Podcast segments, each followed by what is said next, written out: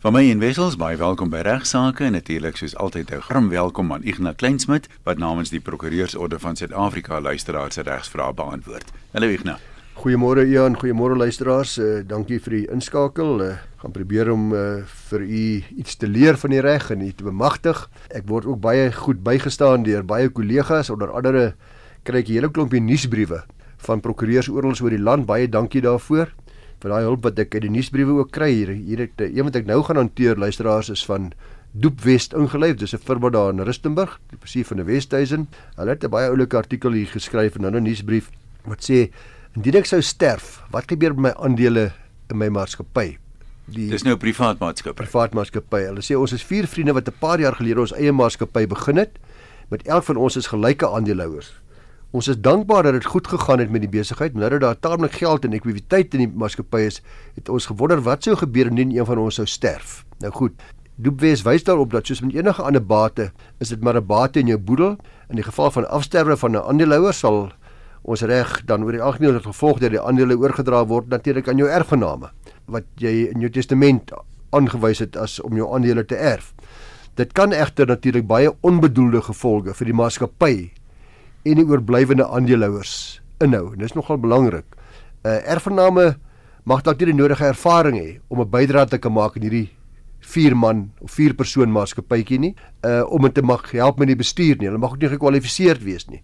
Of hulle mag ook geen behoefte hê om aandele in hierdie maatskappy te besit saam met drie ander mense nie. Terselfdertyd mag die bestaande aandeelhouers dalk nou met 'n 'n nuwe, 'n ongewenste aandeelhouer opeindig. Ek hou niks van jou vrou nie. Ja, nou miskien ek sê my nuwe aandeelhouer.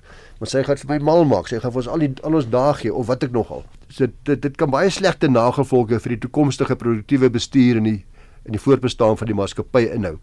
Nou, dis 'n algemene praktyk vir aandeelhouers om die aandele van die oorlede van 'n oorlede aandeelhouer uit te koop. Nou daarvoor moet daar 'n voorkoopsreg wees. Uh, wat gebeur egter indien die oorblywende aandeelhouers nie genoeg kapitaal het nie? Dit ook baie gereeld gebeur om hierdie aandeelhouers se aandele uit te koop nie. Uh, wat dan uh, die erfgename as titelopvolgers tot die aandele sal toelaat of dan in 'n posisie sit om die aandele aan derde partye te verkoop. Met ander woorde nou kan enige ja, nou nie meer die erfgename, dit word nou aan enige ou verkoop buite die maatskappy. Wildvreemde mense. Al hierdie opsies skep baie ruimte vir onsekerheid en vir risiko, potensiële skade. Nou die antwoord wat uh, hierdie nuusbrief gee is uh, om dit te vermy is om eerder behoorlik vooruit te beplan en sodadige onsekerheid en risiko ten tye van die afsterwe van 'n aandeelhouer te verhoed.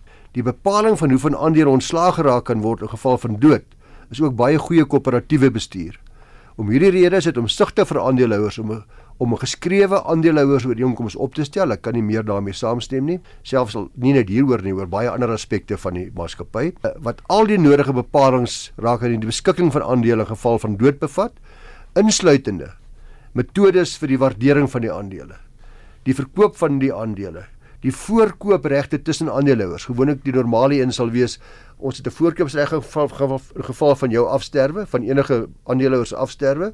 Dit beteken al drie van ons kan dit koop pro rata in verhouding met ons huidige aandelehouding. Ek het byvoorbeeld 50% en jy 10%, dan kan ek 50 60stes koop en jy kan 10 60stes koop van die aandele en op 'n formule waarop ons vooraf besluit om die waarde van daardie aandele te bepaal wat wat vir ons almal geld want ons weet nie wie eers gaan doodgaan nie. Dis gewoonlik 'n baie billike formule. Want miskien gaan dit my boedel wees wat dit moet verkoop, miskien gaan dit jou boedel wees wat moet verkoop. So dis wat hulle hier voorstel en dan ook die prosedures wat gevolg moet word by die afsterwe van 'n aandeelhouer en selfs ook bepalinge rakende polisse op aandeelhouers se lewens. Dit gebeur ook baie dat daar polisse is wat ons wederkerig op mekaar se lewens soos hierdie vier aandeelhouers gaan nou op mekaar se lewens se polis uitneem. Kom ons sê dan byvoorbeeld een aandeelhouer se se aandele is 'n miljoen rand werd. Ons het nie 1 miljoen rand om te betaal as ons aan mede aandeelhouer afsterf nie. Nou neem ons se polis uit. Dit beteken as hy te sterwe kom, dan word daar 'n miljoen rand aan ons uitgekeer op sy lewe. Ons betaal die, die premie. Betaal die premie pro rata uh, en dit word ook die pro rata word ook dikwels gekoppel aan ouderdom en so aan, maar ek is byvoorbeeld nou 65, my premie gaan ongelukkig baie hoër wees.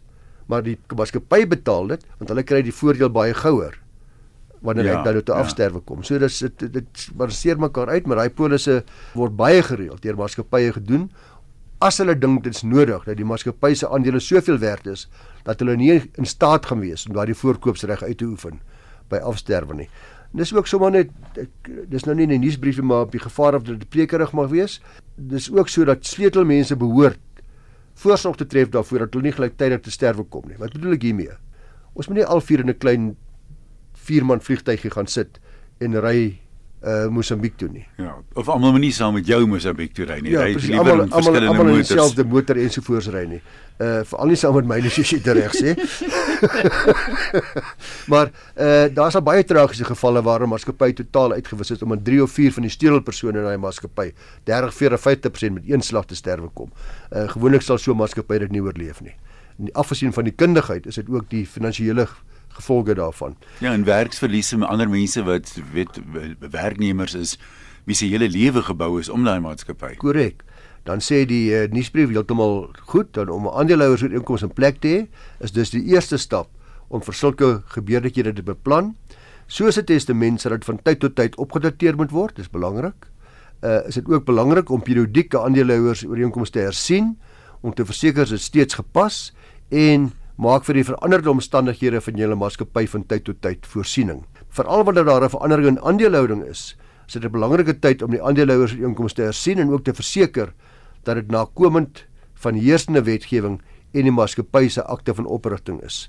Dan sê hulle, hulle sluit af, as jy nie aandeelhouers ooreenkomste tussen aandeelhouers in plek het nie, sal dit raadsaam wees om so gou as moontlik en asseblief doen dit uh, luisteraars as u in daai situasie is, gaan sien so gou as moontlik 'n kommersiële prokureur vir advies oor die gepaste bepalinge en stel 'n goeie aandeelhouers ooreenkoms in. U kan nou maar my goeie advies daaroor aanvaar. Dit is die koste wat jy daarop gaan spandeer is deur en deur die moeite werd wanneer vir wanneer dinge skeefloop met eers veral waar 'n klomp vriende aandeelhouers is. Hier's 'n goeie voorbeeld. Dis ons is vier vriende. Nou begin dit 'n bietjie groter raak. Ons begin nou 'n bietjie bekommerd oor 'n paar dinge raak. Of familielede wat saam 'n besigheid besit, gaan doen 'n goeie vennootskapsooreenkoms of 'n goeie aandeelhouersooreenkoms en bly op daardie manier vriende ook met die erfgename. Hoe meer ek luister na baie van hierdie onderwerpe wat jy bespreek, hoe meer staan een ding vir my uit en dis daai spreekwoord van voorsorg is altyd beter as nasorg. Baie baie waar, Ian, baie waar. Ons kan nog een inpas. Besigheidsredding gebeur deesdae baie baie gereeld, al hoe meer en meer. En die grootste voordeel van die besigheidsredding proses is daar eintlik 'n moratorium vir hierdie besigheid wat wil ondergaan of in die proses van ondergaan is gegee word om te kyk of hy gered kan word. So 'n moratorium of 'n verbod, er word 'n verbod geplaas op enige regsaksie teen die maatskappy wat onder besigheidsredding is. Dit help hom om bietjie uit sy dinge uit te kom, 'n bietjie asem te haal. Kyk of hy gered kan word. Nou soos die naam te reg sê, is die doel van besigheidsredding 'n proses om 'n besigheid te red eerder as om dit te likwideer, om dit te beëindig. Om hierdie redding te bewerkstellig word skuldeisers dan verbied om met regstappe voort te gaan teen die maatskappy en 'n besigheidsreddingplan word deur die besigheidsreddingspraktisyn opgestel wat dan deur skuldeisers aanvaar moet word. En as een van die skuldenaars dus onder die besigheidsreddingsproses is, kan dit 'n geweldige impak op jou eie kontantvloei hê, nê? Nee, want dis juist hoekom dit so belangrik is om maar altyd te kyk dat daar 'n borg is vir enige krediet wat uitgeleen word. Nou die vraag is egter hoeveel beskerming daar vir 'n borgskap is. Hoeveel dit regtig vir jou beskerm wanneer die hoofskuldenaar onder besigheidsredding is. Die eerste belangrike punt is of die term van die borgskap vir jou skuldeiser die reg moet gee om voort te gaan teen die borge as die hoofskuldenaar onder besigheidsredding is. So jy het nou jy het 'n skuldenaar. Hy sy besigheid gaan dit nie goed mee nie, maar jy het nou gesorg dat die direkteure van die maatskappy borg geteken of die die eienaars van die mense of die vroue wie ook nogal almal borg geteken want jy was bang dat dat iets skeef kan loop. Nou loop daar iets skeef en jou vraag is wat is jou reg nou? Ek het vir Esmerie McCallaghan daar by ons uh, kantoor gevra, 'n jong prokureur, om bietjie vir my hiermee te gaan kyk wat is die regte? En sy sê dat uh, dit is baie belangrik om seker te maak dat nadat die besigheidsreddingsplan aanvaar is, kan skuldeisers nie meer voortgaan teen borge nie. Aan die woorde, luister mooi, sy sê nadat die besigheidsreddingplan aanvaar is, aan die woorde daar's nou 'n besigheidsreddingplan wat voorgelê aan skuld uitskuldenaars, skuldenaars almal aanvaar dit. Nou is dit 'n werklikheid. Die, die besigheidsredding is nou 'n werklikheid. Nou kan jy nie meer voortgaan teen jou borge nie. Die rede hiervoor is te vind in die aard van 'n borgskap. 'n Borgskap is slegs geldig en dwingbaar vir solank as wat die hoofskuld geldig en afdwingbaar is. Aan die woorde, Terwyl sin, ja. die skuldeiser by dit nie meer dit nie teen hom kan afdwing nie, kan hy dit ook nie teen een van sy borgers afdwing nie. So uh dit is so wanneer hy die plan aanvaar is. Uh daar is nie 'n borgskap sonder 'n hoofskuld nie. 'n Besigheidsreddingsplan luisteraars gewoonlik 'n kompromie wat aangegaan word met skuldenaars. Artikel 155 in die maatskappywet bepaal baie uitdruklik dat 'n kompromie nie die aanspreeklikheid van 'n borg affekteer nie, maar die artikels in die maatskappywet wat besigheidsredding hanteer, sê anderste.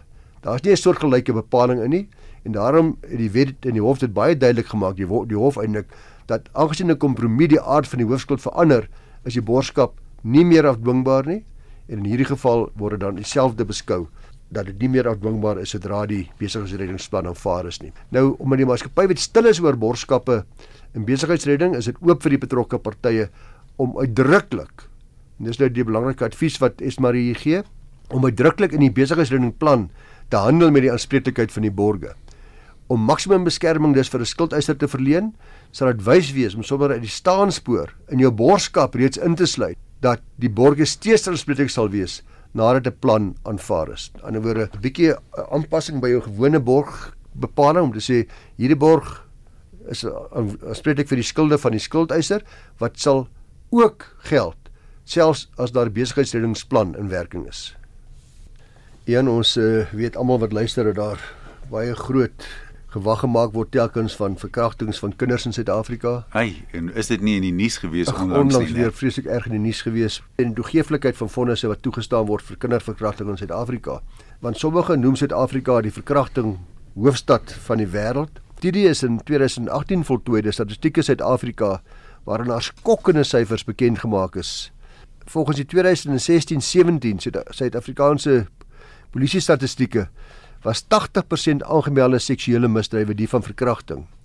250 uit 100 000 vroue slagoffers van seksuele misdrywe.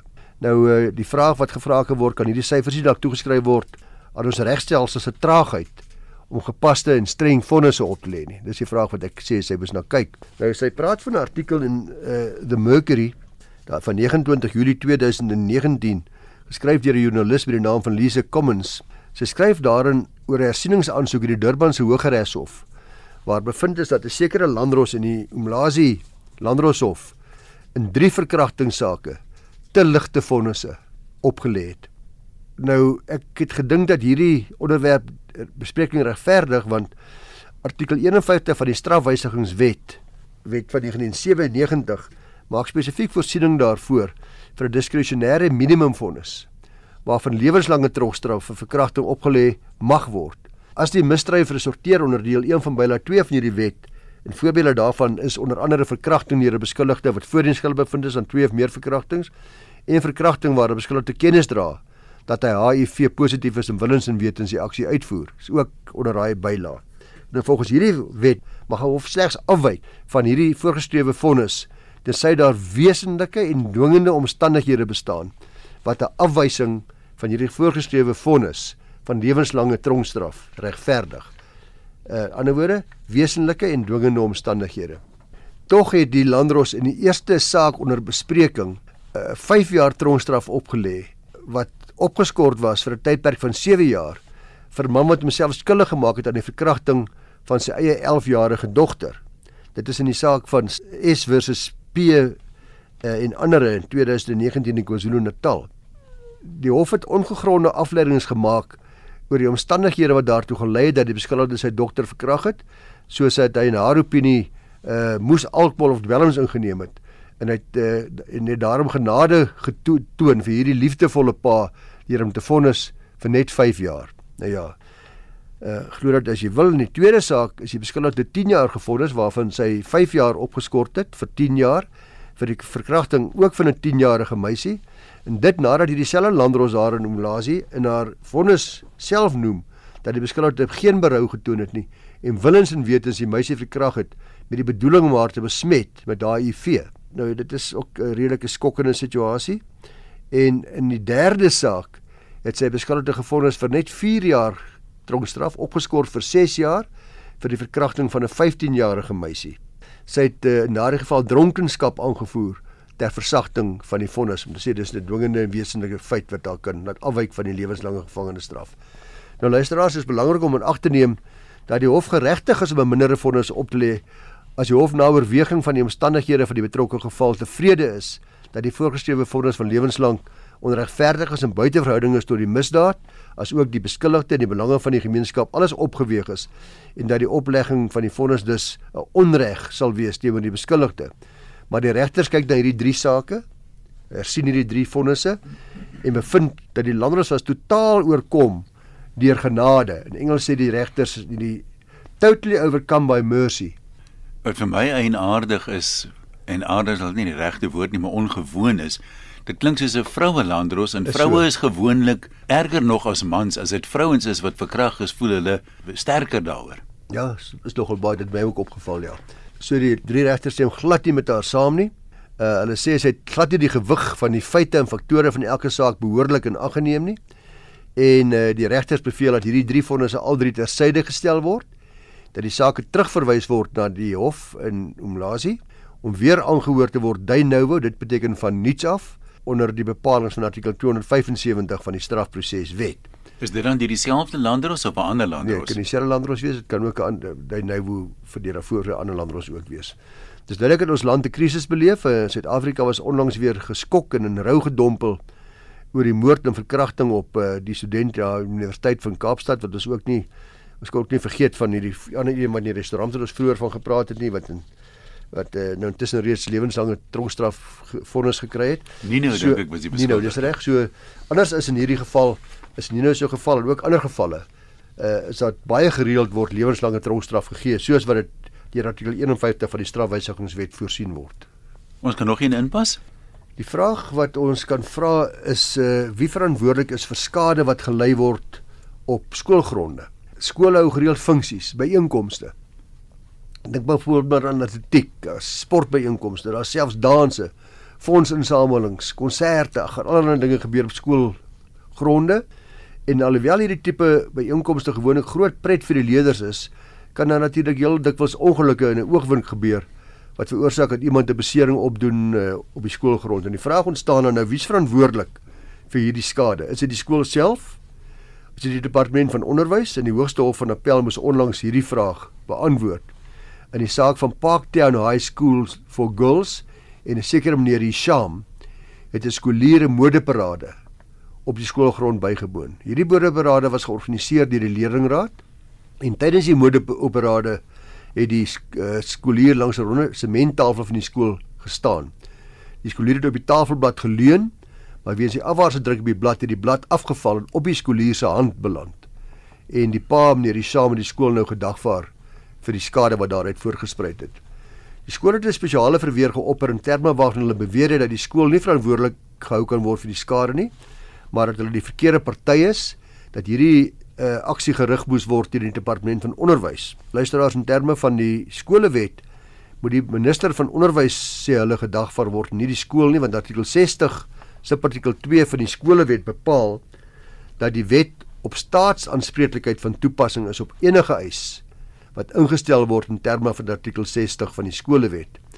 En hierdie artikel bepaal dat die staat aanspreeklik is vir enige deliktuele skade wat gelei is as gevolg van enige handeling in verband met enige skoolaktiwiteit by openbare skool waarvoor die skool normaalweg aanspreeklik is, sou dit nie wees vir hierdie artikel nie. Met ander woorde, as daar skade is waarvoor die skool normaalweg aanspreeklik sou sou wees, sê hierdie wet dan moet die departement van onderwys die staat moet instaan daarvoor by openbare skool. Dit is wat die verweer was van hierdie uh, skool en uh, die minister is nie gedagvaar nie, maar ongelukkig is dit nie so eenvoudig nie en moet daar 'n behoorlike ontleding van die feite gedoen word ten einde te bepaal sê die hof wie werklik aanspreeklik is.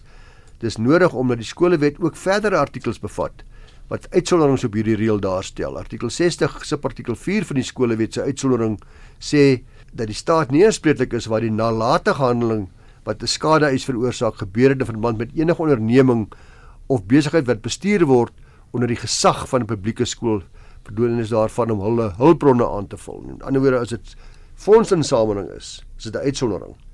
Dan is die skool self aanspreeklik. Onthou dit as hierdie was 'n modeparade. Geld gaan na die skool. Wat hierdie leerlingraad uh mens moet dus nog op stappie verder gaan en ook na hierdie bepaling gaan kyk. Dit verwys na aktiwiteite onder die beheer van die skool se beheerliggaam vir doeleindes om die skool se hulpbronne aan te vul. Nou meneer die Samense prokureurs natuurlik het geargumenteer dat die skool aanspreeklik is, nie die minister nie, omdat die modeberade onderneming was onder beheer van die toesig van die beheerliggaam was. So dis 'n uitsondering. Die appelhof het egter van hierdie mening verskil. Die skool het getuig dat die modeberade georganiseer was deur die leerlingraad en die opbrengs daarvan was tot voordeel van die leerders vir funksies soos byvoorbeeld matriekafskeid vir hulle self met ander woorde. Ons klop matrieks gaan 'n bietjie nou geld bymekaar maak. Nik niks wat die skool doen nie is vir onsself. Alhoewel die opbrengs van die modeberade deur die skool gehou was, was dit in die skool se boeke aangedui as 'n las ten bate van die leerders. Maar die leerders geld nodig gehad het, betaal die skool dit hulle uit. En die weerlig het niks te doen met die modeberade nie. Nou hierdie getuienis uh kom meneer Shamni weer lê nie en uh die hof aanvaar dit so en die hof sê ongelukkig vir meneer Sham moes hy sy skade gaan haal dit by die minister van van onderwys en nie by die skool nie. So luisteraar, wanneer uh, jy dis beoog om 'n eis in die skool in te stel, moet daar behoorlike ondersoek van die feite gedoen word om te bepaal wie gedagvaar moet word, die skool of die minister. Indien die verkeerde party gedagvaar word, kan dit tot groot vertraging in 'n saak lei en ook 'n kostebevel uh, teen jou tot gevolg hê. So kyk maar mooi daarna.